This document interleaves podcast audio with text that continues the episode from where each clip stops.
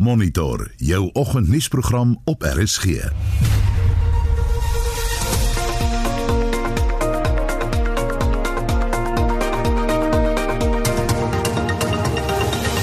die program vanoggend die stad Kaapstad en die regering word gemaan om die informele woongebiede van Yanga te ontwikkel om nog 'n kindertragedie te voorkom. If you drive along the N2, you'll see a lot of people in the evening who are playing soccer here. It's quite dangerous. And I think there's got to be a plan to develop this area, but also to make sure that it is also favorable to children. 'n Bietjie later praat ons oor die verhogings in minimumlone wat bo inflasie vasgestel is.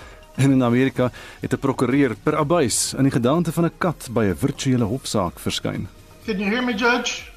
I can hear you. I think it's a filter. It, the- it is, and I don't know how to remove it. I've got my assistant here; she's trying to, but uh, I'm prepared to go forward with it.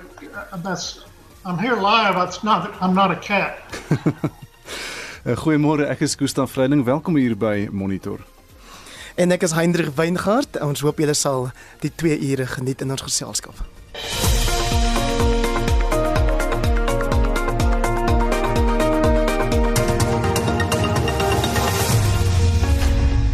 Nou 12 minute oor 6 hier by Monitor op RSG en ons kyk na 'n oorsig van die koerant voorblaaie en die nuus van vanoggend, dis donderdag die 11de Februarie. Die burger vandag eh, sê bly eers weg van Chinese entstof. Mediese kenners waarsku en dit ten spyte van beloftes en gerusstellings, hier is daar groot onsekerheid oor die regering se entstofplanne en dan veral oor die invoer van 'n Chinese insto- eh, entstof dan daar. Ook op die burger vandag, die voorblad van die burger het 'n berig dat sê werknemer van Swellendam se skool verdrink in Witstrand. En dis 'n werknemer van die laerskool daar in Swellendam uh, wat binnekort sou aftree. Hy het naweek by Witstrand naby Heidelberg verdrink, 61-jarige Desmond Matthisen. En dan 'n storie hier van 'n koala. 'n Koala skuif agter die stuurwiel in nadat hy 'n kettingbotsing veroorsaak. Uh, dit was 'n blou maandag vir 'n paar motorry motorryers in uh, Suid-Australië en hier's 'n foto dan van hierdie koala hier agter die stuur van die kar. Dit lyk behoorlik of hy nou daar probeer wegkom. Baie mooi foto op die burger vandag. Die foto dan lekker happy vir geduldige ryer en dit is regtig 'n goeie foto gewees. Die foto is Sondag geneem in die Valsbaai Natuurreservaat naby die Strandfontein rioolwerke. 'n Swart kop ryer staan doodstil en wag vir sy prooi. En nadat hy in die geval die muis toe nou gevang het, draai hy hom blitsvinnig om dat hy kopkant eerste afgaan en jy sien behoorlik die muis daar uh, in die ryer se bek gaan kyk op die, op die voorblad van die burger vanmôre. Beeld ook 'n storie oor die enstof, uh enstofplanne nog onduidelik, onseker wanneer Johnson & Johnson se aankom. Angelique Kutsie van die Suid-Afrikaanse Mediese Vereniging uh waarsku ook dan nou daaroor. Verder berigte Eskom SAL agterweë oor ondersoeke na persoonlike beskermende toerusting. Daar word nou so baie gefokus op die COVID-19 pandemie, korrupsie en die eh, persoonlike beskermende toerusting dat uh, Eskom en SAL agterweë bly. Die grootskaalse korrupsie sê Mkoleko Hlengwa is 'n misdaad teen die mensdom. Nog 'n berig oor die weer dan. Swaar neerslae opnuut in die noorde van KwaZulu-Natal en die Laagveld verwag. 'n Boompie steek uit die Valdam uit 'n foto daarvan die Voldam en 'n tropiese laagdrukstelsel wat tans daar in die Mosambiek-kanaal vorm gaan die water bring. Volksblad se digitale voorblad ook oor die enstof en dan 'n hond, nuwe huis vir dapper seint na huismoles. Uh, die arme hond het 'n oog verloor, maar die storie oor die hond is dan daar op Volksblad se voorblad vanmôre. Internasionaal op bbc.com. Uh, Trump het almal in die Capitol vir dood agtergelaat word daar gesê in die senaatsverhoor van sy staat vir beskuldiging waar hy ook dan deur die aanklaers daar 'n insider in chief genoem is. En is dan net so vinnige oorsig oor vanoggend se nuus. Nou kwart oor 6 hier op monitor. Die nuwe minimumloonverhogings is bo inflasie vasgestel, maar dit is met 'n koor van protes begroet. Die vernaamste rede wat teen die verhogings aangevoer word is dat dit tot verdere werksverliese onder veral plaasarbeiders en huishulpe sal lei. Die nasionale minimumloon is met 4,5% verhoog. Die minimumlone vir huishulpe en plaaswerkers is met onderskeidelik 23% en 16% verhoog. Ons wil vanoggend weet hoe raak dit jou as jy 'n werker is of 'n werkgewer. Stuur vir ons 'n SMS by 45889 teen R1.50 elk of gesels saam op die Monitor en Spectrum Facebookblad. Anders stuur jy vir ons 'n WhatsApp stemnota kort asseblief na 076536 6961. Dis 0765366961. Nou ja, verjaar se staatsrede sal 'n ingetoe en ernstige funksie wees. Dit sal ook teen 'n breekdeel van die koste van ander jare se parlementsopenings plaasvind en Celine Merrington berig dat dit so is weens die COVID-19 pandemie. Vanjaar se staatsrede sal in die omgewing van 'n 100 000 rand kos, 'n fraksie van die prys van meer as 2 miljoen rand wat verlede jaar spandeer is. Dis omdat die wetgewer noemenswaardig afgeskaal het van die meeste seremonieele aktiwiteite om te voldoen aan COVID-19 regulasies. Die spreker van die Nasionale Raad, Tandi Modise, sê die jaar is die grootste uitgawe internet verwant. We did in uh, our press briefing last week say that we expect that the only costs that we will bear in this particular SONA as Parliament will be the costs of paying for the virtual connectivity. Thus far, Parliament is estimating just over 100,000 for this whole exercise. Terwyl die gewone prag en praal van die geleentheid weggeval het, is daar 'n nuwe gebaar spesifiek vir vanjaar se staatsrede. President Cyril Ramaphosa en die parlement se voorsittende beampte sal kersse aansteek net voor sy toespraak vir diegene wat hul lewens aan COVID-19 verloor het. Modise sê dit sou ongehoord wees om voort te gaan soos normaal. We want to express our loss in the simplest way as we can as parliament on this serious loss that we are suffering as a country because of COVID. We have absolutely no other parang parangs. We will be very solemn. We are hurting. We have lost members. We have lost relatives. South Africans are dying. And that is why we take this uh, SONA very seriously and as dignified as we can in our expression that SONA is important, it has to take place every year, but also that we want to focus on helping ourselves and our citizens out there to deal with the sketch and to unite South Africa as much as possible in making sure that we all survive the sketch. Net 50 mense sal binne die raadsaal toegelaat word terwyl die staatsrede gelewer word. Die parlement se woordvoerder, Moloto Mutapo, sê enkele lede van partye sal teenwoordig wees terwyl ander LPs en gaste op virtuele platforms ingeskakel sal wees. A total of 30 members of parliament representing the two houses of parliament from various parliamentary political parties will be physically present in the National Assembly chamber. The president will also be in the National Assembly chamber when he delivers the address. Also present in the NA chamber will be the Deputy President, Mr. David Mabuza, Deputy Chief Justice Raymond Zondo, and Justice of the Supreme Court of Appeal, Justice Dumisani H. Zondi, will represent the judiciary in the chamber, while the Dean of the Resident Diplomatic Corps, Ambassador Benel Mboko, will be representing the ambassadors. All other MPs will connect through a visual platform. Ten spyte daarvan dat vanjaar se staatsrede baie meer bedaard is, word verskeie strate rondom die parlement steeds afgesper en sekuriteit sal ook opgeskerp word. Zelin Merrington, Parlement. Nou onthou die staatsrede word vanaand vanaf 7uur regstreeks op RSG uitgesaai.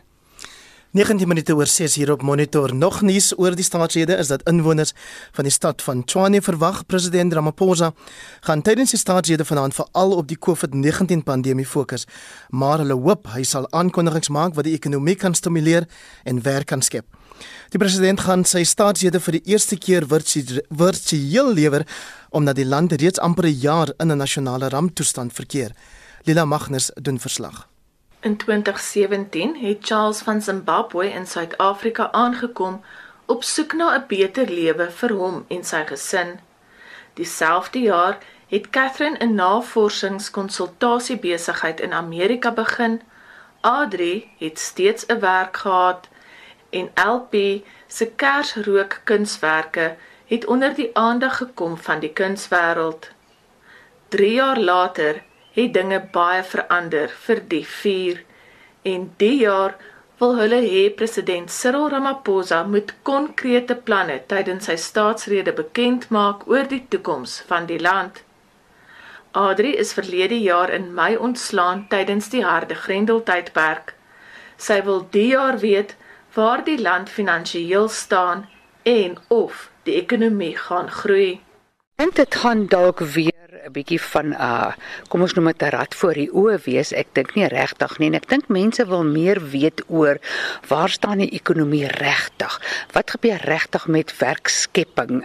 Waar gaan die geld heen wat almal as jy kyk na sosiale media sê hulle waar's die geld? Waar's die geld? As daar dalk net 'n bietjie meer verklaringe is, 'n bietjie meer duidelikheid is en dan ook hoe lank ons onder hierdie lockdown gaan wees. Hulle sê tog op die media dit gaan beter en beter. Is daar 'n derde golf wat kom? Is daar nie 'n derde golf wat kom nie? Wat moet ons verwag? Charles sê hy is geseënd om nog 'n werk as tuinier te hê, maar die lot van baie van sy vriende wat hul werk verloor het, lê swaar op sy hart. It helps people because it's like now people we are struggling like to have the jobs. Some of us we are breadwinners, eh? so it's very difficult for us to make the families set uh, because most of the people are not working, We are sitting sitting at home. and um, some of the companies they are stopping the people's to work because they are saying um, we got a lot of COVID cases. Catherine se wens is dat president Ramaphosa hoop sal gee vir besigheidsmense. A lot of people are fearful about what's going to happen with the future. The fact that our second wave has hit us so hard that countries like the US won't necessarily want us to cross the borders. And I'm not quite sure whether President Ramaphosa will address this and address the concerns for those business partners that have international holdings. And certainly it would be great to hear a bit more about that. But considering the pandemic is where it is and we already have to consider the third wave, I feel that he'll probably focus on South African relations and the state of South Africa.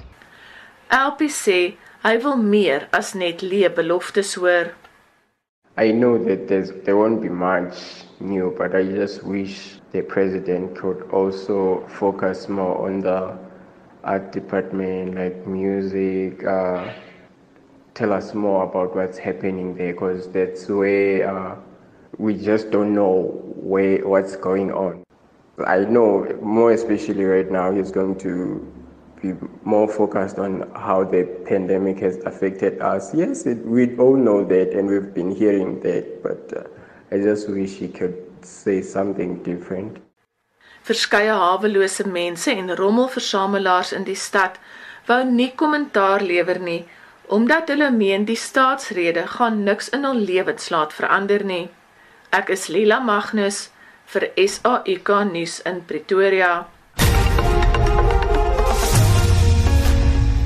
27 minute oor 6 op monitor. Die mede-stigter van die Supremes en ikoniese sangeres Mary Wilson is dood op 76 jaar. Sy het die musiekgroep wat eers bekend gestaan het as die Primates help stig toe sy maar 15 jaar oud was. In 1986 het sy boonop een van die New York Times se topverkopers geword nadat sy haar biografie Dream Girl: My Life as a Supreme bekend gestel het. Slegs 2 dae voor haar dood het sy nog aangekondig dat sy werk aan solo materiaal.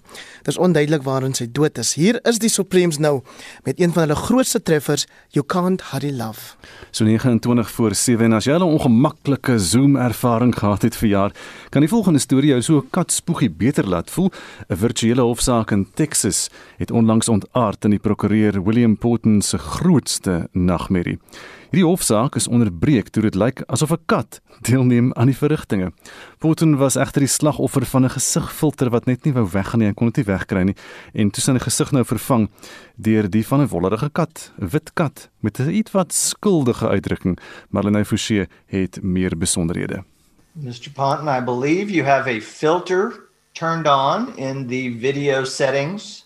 Uh, you might want to uh, uh Take we're trying to. We're. Tr- can you hear me, Judge? I can hear you. I think it's a filter. It, the- it is, and I don't know how to remove it. I've got my assistant here. She's trying to, but uh, I'm prepared to go forward with it. That's. I'm here live. It's not. I'm not a cat. I can. I can see that. Die beeldmateriaal is op die internet gedeel en het soos 'n veldbrand versprei met miljoene mense wat dit al gekyk het. Patten het sy sekretaris se skootrekenaar gebruik en dis tot nou toe onduidelik waar die katfilter vandaan gekom het. Hy het intussen op die voorval gereageer. and everybody's face popped up except mine. Mine was a cat. And I thought, oh, she had it there, a child had it there. I, she doesn't know, and I don't know. It just miraculously appeared. You can't put toothpaste back in the tube. You know, if it's if it's gone out and it's gone viral, let it go. Just have to roll with it. Dit was 'n prokureur uit Texas, William Patton. Hy is die jongste slagoffer van 'n katastrofiese Zoom vergadering. Jy luister na Monitor elke weekoggend tussen 6 en 8.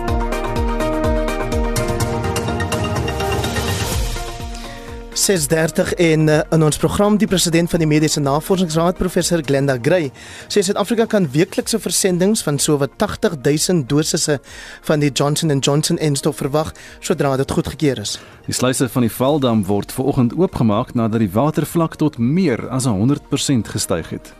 En 'n koor van protes gaan op na die minimumloon bo die inflasiekoers verhoog word. In light of the damages that agriculture has suffered due to COVID regulations and the ongoing drought, producers can't afford a 16% increase in only one of their production inputs.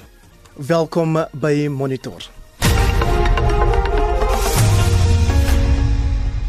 Byna 6:36 hier op monitor. Die nuwe minimumloonverhogings bo inflasie is ons luisteraarsvraag of waaroor ons luisteraarsvraag vanoggend handel en ST hou vir ons julle terugvoer op ST goeiemôre.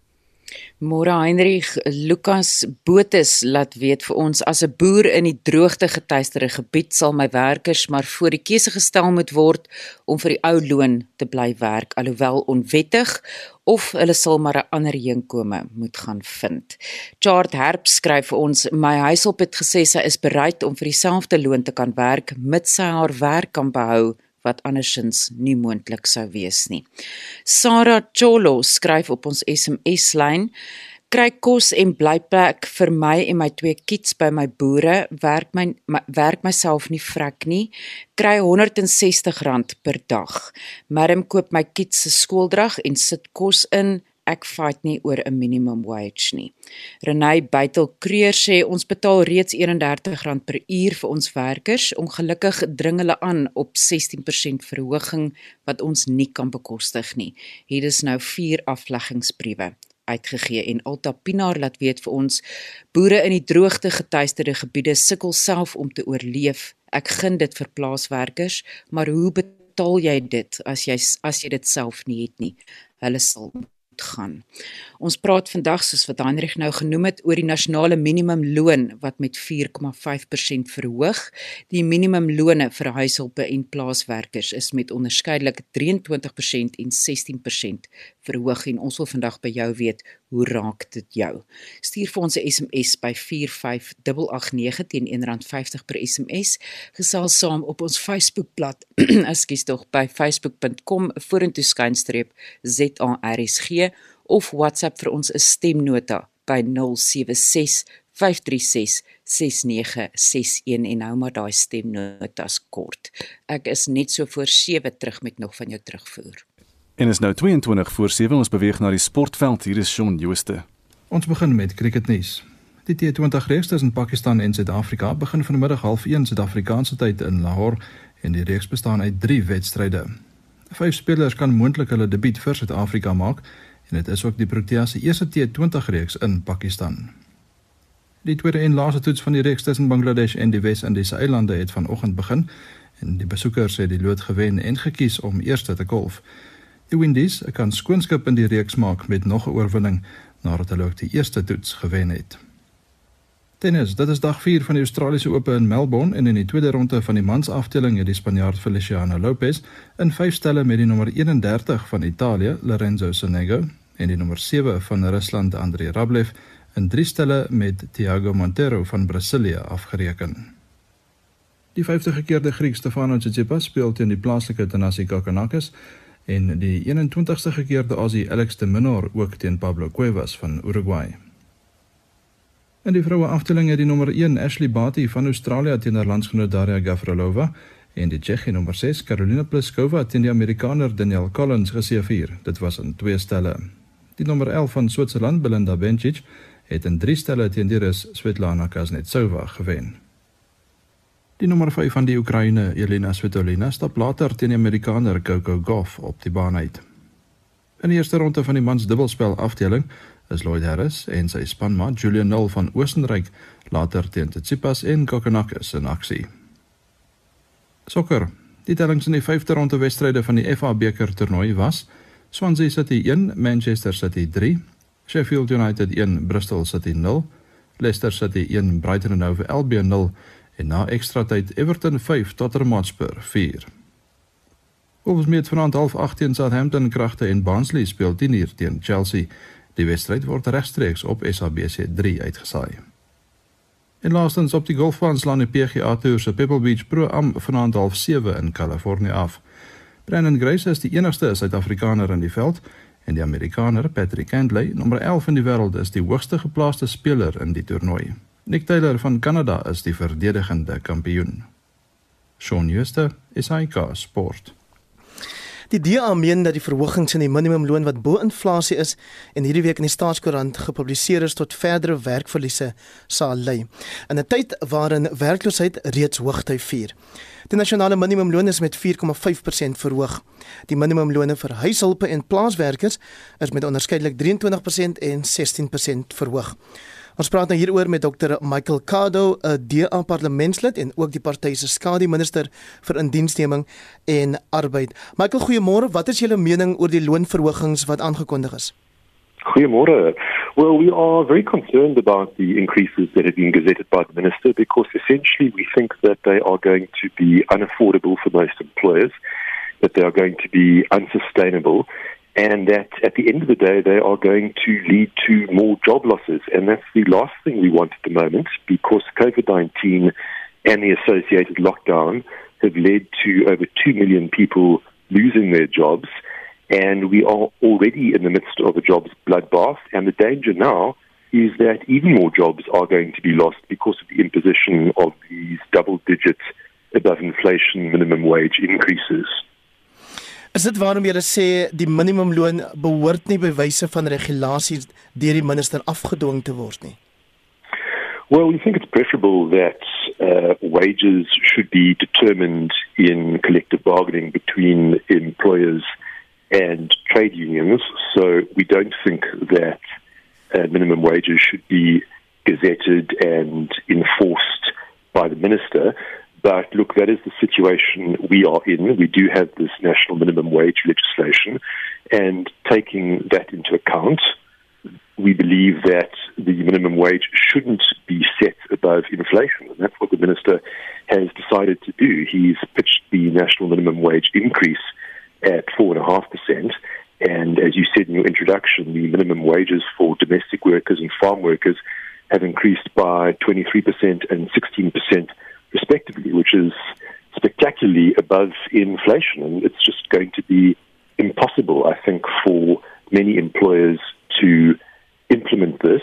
and it's going to lead to job losses. So Michael, kom ons kyk dan na in randterme. In Junie 2019 is die minimumloon op R20 per uur vasgestel. In Maart 2020 is dit aangepas na R20.76 en nou staan dit met die nuutste aanpassing om R21 69 per uur. Wat sou volgens die DA 'n geskikte bedrag wees?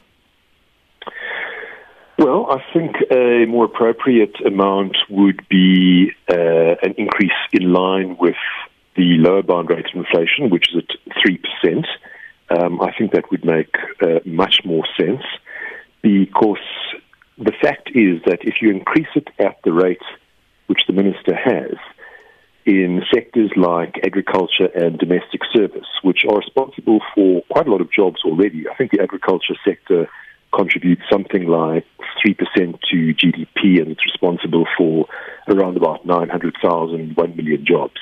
Uh, domestic work for its part accounts for around about 6% of the total employment profile in South Africa and it contributes about 15% of employment for women in South Africa. And both these sectors have been particularly hard hit by COVID 19. Um, a lot of domestic workers couldn't get to work during the lockdowns. Um, a lot of employers have found it impossible to keep their domestic workers on beyond uh, the lifting of the lockdown. So any double digit increase, any increase that goes above inflation, and certainly any increase that reaches towards the 16% or 23% mark is just going to be unsustainable. So we would uh, recommend an inflation related increase. Baie dankie vir jou tyd vanoggend, uh, Dr. Michael Cardo, DALP en ook die party se skademinister vir indiensneming en arbeid. Dis nou kwart voor 7 en ons bly by die storie en praat met Eloise Denner, die VF+ se hoofwoordvoerder oor arbeid. Eloise, goeiemôre. Môre Gustaf. Wat is julle Wat is julle mening oor hierdie aangepaste nasionale minimumloon? Dis tog dis allereerst die VS Plus se mening dat alle werkers in Suid-Afrika billik en regverdig behandel moet word en dit sluit natuurlik billike en regverdige betaling vir werk gelewer in.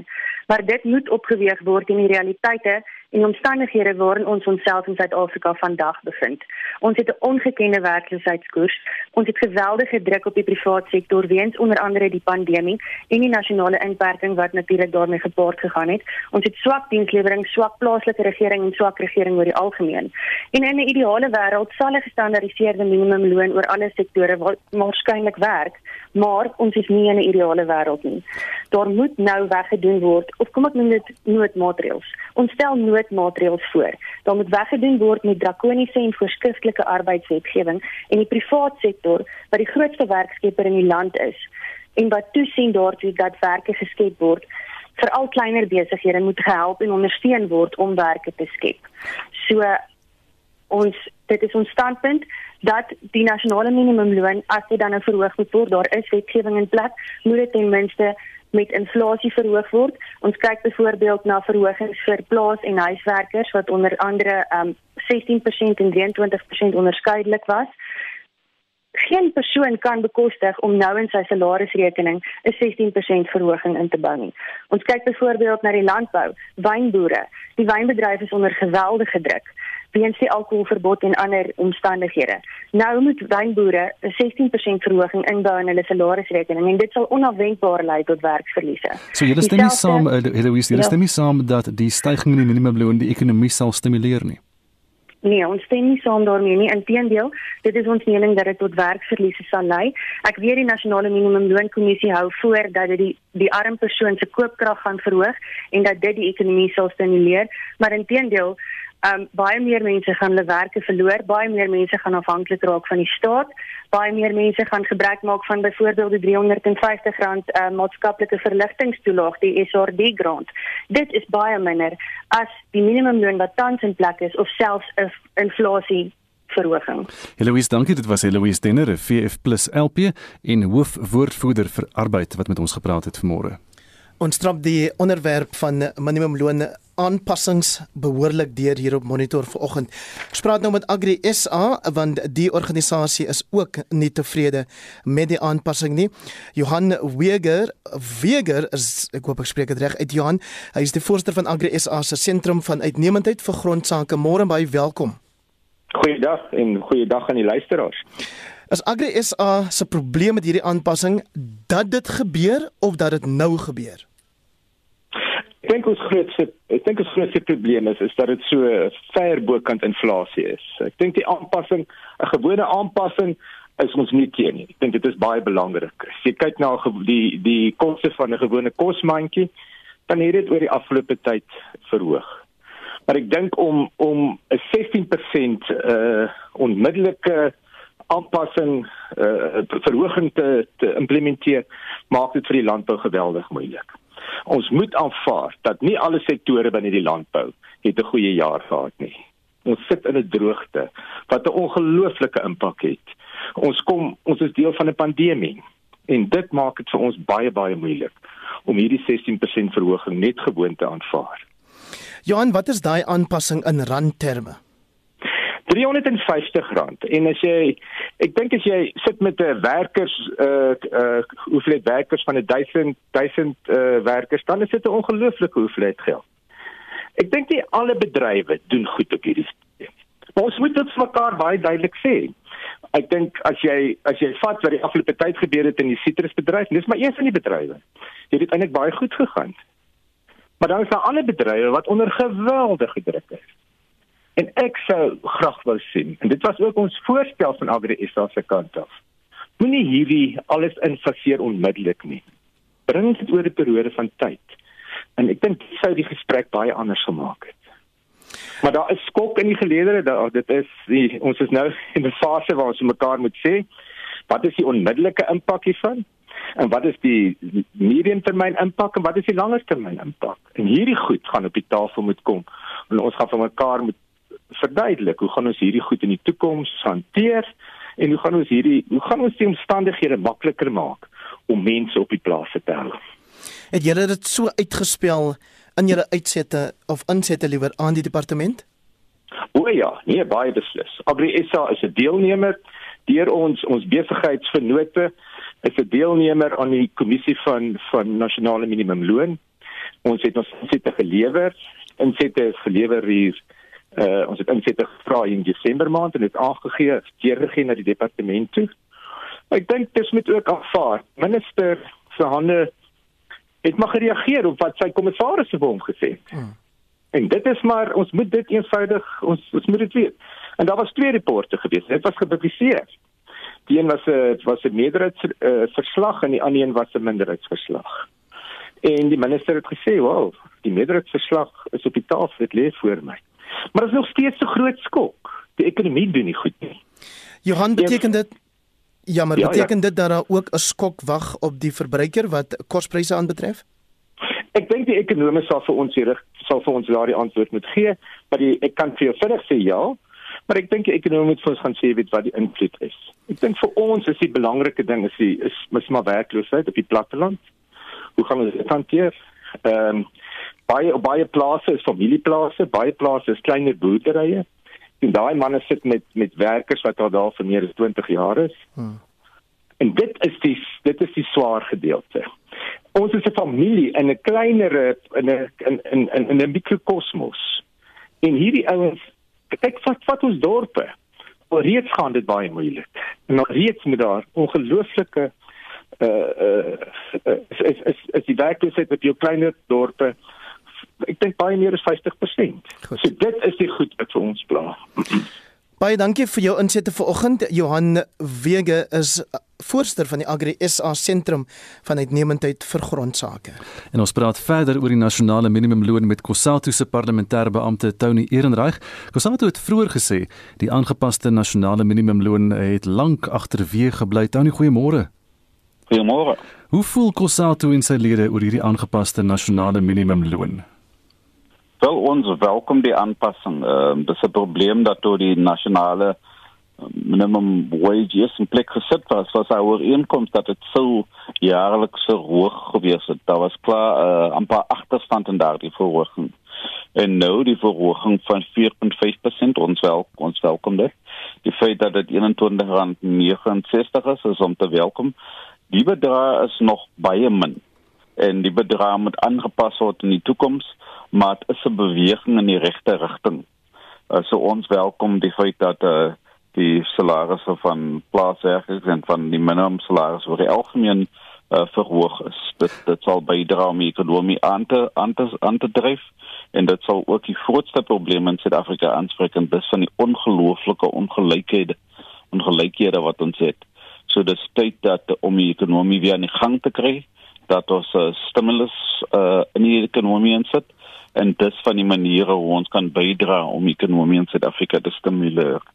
Dan wat van die ander kant van hierdie argument wat mense sê as jy die minimumloon te veel verhoog, dan gaan dit tot werkloosheid lei en die ekonomie nie stimuleer nie. Wel ek dink dis ons maar nou 'n storie wat mense al die tyd gaan hoor. Uh, ek het nog nooit van 'n plaas uh eienaar gehoor dat uh, die salarisse te min en ons moet dit aanpak nie. Die werkers die in die dorings begin met 'n staking, ek dink dit was in 2012 toe was die minimum loon op plaas 69 rand per dag.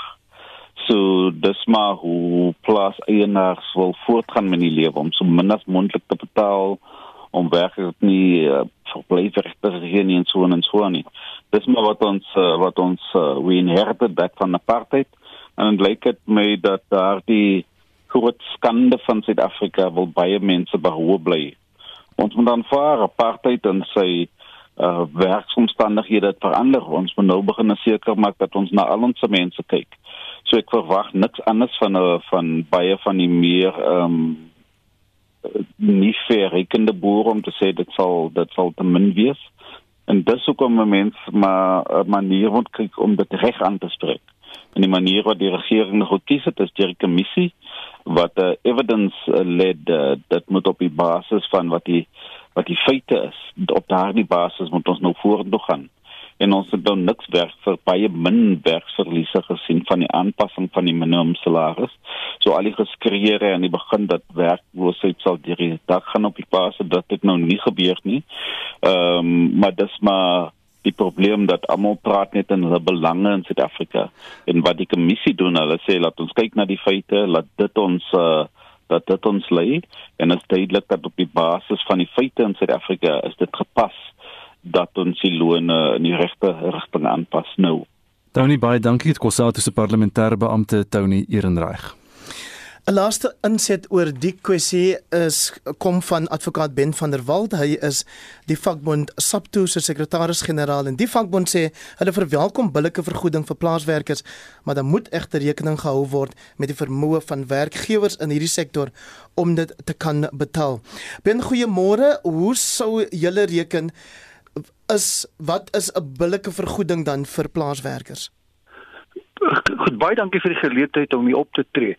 Die feit van die saak is net dat soos ons in ons persverklaring gesê het, ja, daar moet 'n billike vergoeding wees vir alle werkers en veral ook vir plaaswerkers.